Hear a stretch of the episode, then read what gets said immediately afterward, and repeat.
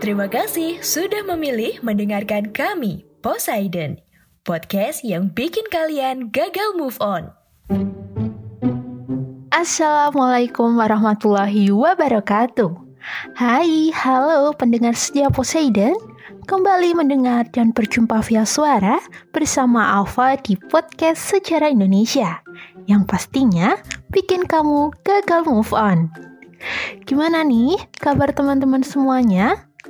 Semoga dalam keadaan sehat walafiat ya. Ingat pesan ibu, tetap patuhi protokol kesehatan ya teman-teman semuanya. Nah, pada kesempatan kali ini, Ava akan mengajak kalian ke Indonesia bagian utara, yakni tepatnya di Provinsi Aceh. Hmm, kira-kira mau bahas apa ya di podcast kali ini? Yap, sesuai judulnya, Ava akan membahas mengenai kerajaan Islam di Indonesia, yaitu Kerajaan Samudra Pasai. Pastinya kalian tidak asing kan dengan nama kerajaan tersebut? Oke teman-teman, stay tune ya. Kerajaan Samudra Pasai merupakan kerajaan Islam pertama di Nusantara yang berkuasa dari abad ke-13 hingga abad ke-16 loh teman-teman. Wah, lama juga ya. Samudra Pasai sendiri terletak di pesisir utara Sumatera, lebih tepatnya di kota Lok Sumawe, Aceh. Kerajaan Samudra Pasai ini didirikan oleh Nazimuddin Al-Kamil, seorang laksamana dari Mesir. Nazimuddin kemudian mengangkat Marasilu sebagai pemimpin pertama Samudra Pasai dengan gelar Sultan Malik Asaleh. Kendati demikian, Marasilu yang diakui sebagai pendiri dan pemimpin pertama Samudra Pasai. Sementara raja atau sultan yang berhasil membawa Samudra Pasai pada puncak kejayaan yaitu Sultan Mahmud Malik Az-Zahir yang berkuasa dari tahun 1000 326 hingga 1345. Bukti keberadaan kerajaan Samudra Pasai dapat ditemukan dari catatan Marco Polo dan catatan Ibnu Battuta loh.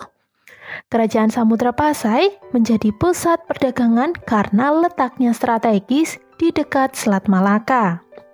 Di abad ke-13, Selat Malaka merupakan jalur perdagangan internasional yang dilalui pedagang dari Jazirah Arab, India, dan juga Cina. Yuk, kita bahas sejarah kerajaan Samudra Pasai. Dari catatan Ibnu Battuta, dapat dipastikan bahwa kerajaan Samudra Pasai berdiri lebih awal dibandingkan dinasti Utsmani di Turki, kira-kira pada tahun 1297 loh teman-teman. Perkiraan tersebut dikuatkan dengan catatan Marco Polo, seorang saudagar dari Venesia, Italia, yang singgah di Samudra Pasai pada tahun 1292. Marco Polo menerangkan bahwa telah melihat keberadaan kerajaan Islam yang berkembang pada waktu itu, yakni Samudra Pasai dengan ibu kota Pasai. Selain dua catatan tersebut, sejarah kerajaan Samudra Pasai juga dapat dilacak dari hikayat Raja Pasai juga loh. Kerajaan Samudra Pasai merupakan gabungan dari dua kerajaan, yakni Kerajaan Samudra dan Kerajaan Pasai. Penggabungan tersebut dilakukan oleh Marasilu, raja pertama dengan gelar Sultan Malik Asaleh yang memimpin dari tahun 1285 hingga 1297. Setelah Marasilu wafat, digantikan oleh putranya bernama Sultan Muhammad yang bergelar Malik At-Tahir. Masa kejayaan kerajaan Samudra Pasai berlangsung saat dipimpin oleh Mahmud Malik Az-Zahir. Sultan Mahmud Malik Az-Zahir adalah raja ketiga Samudra Pasai yang memerintah dari tahun 1326 hingga 1345. Ia meneruskan memimpin setelah Marasilu dan Sultan Malik As-Saleh dan Sultan Muhammad Malik Az-Zahir atau Sultan Malik At-Tahir. Pada masa kepemimpinannya, kerajaan Samudra Pasai mengalami perkembangan pesat dan terus menjalin hubungan dengan kerajaan-kerajaan Islam di India maupun Arab. Puncak kejayaan kerajaan Samudra Pasai juga ditandai dengan aktivitas perdagangan yang sudah maju, ramai, dan menggunakan koin emas sebagai alat pembayaran. Tahukah kalian koin emas yang dimaksud itu apa? Koin emas yang disebut dirham ini pertama kali diperkenalkan oleh Sultan Muhammad Malik Az-Zahir, ayah Mahmud Malik As-Saleh dan kemudian digunakan secara resmi di kerajaan. Pada masa kejayaannya, Samudra Pasai merupakan pusat perniagaan penting di kawasan Nusantara. Samudra Pasai memiliki banyak bandar yang dikunjungi oleh para saudagar dari berbagai negeri seperti Cina, India, Siam, Arab, dan juga Persia loh. Kerajaan ini juga dikenal sebagai penghasil rempah-rempah terkemuka di dunia dengan lada sebagai komoditas andalannya. Tidak hanya itu, Samudra Pasai juga menjadi produsen sutra, kabur barus, dan juga emas. Di samping sebagai pusat perdagangan, Samudra Pasai juga merupakan pusat perkembangan agama Islam.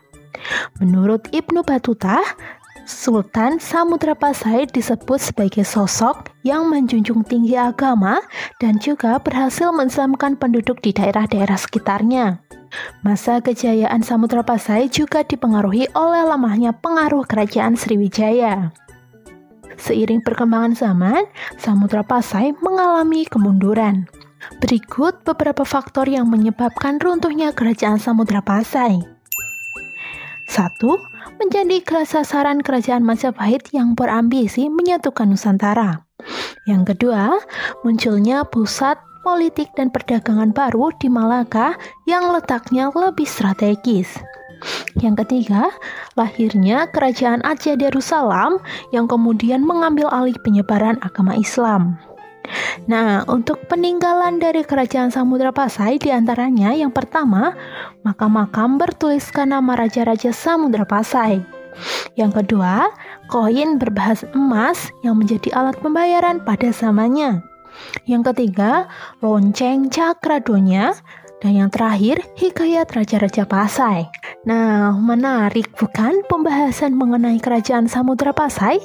Bisa kalian dengarkan pula topik-topik mengenai sejarah Indonesia yang lainnya, tentunya hanya di Poseidon.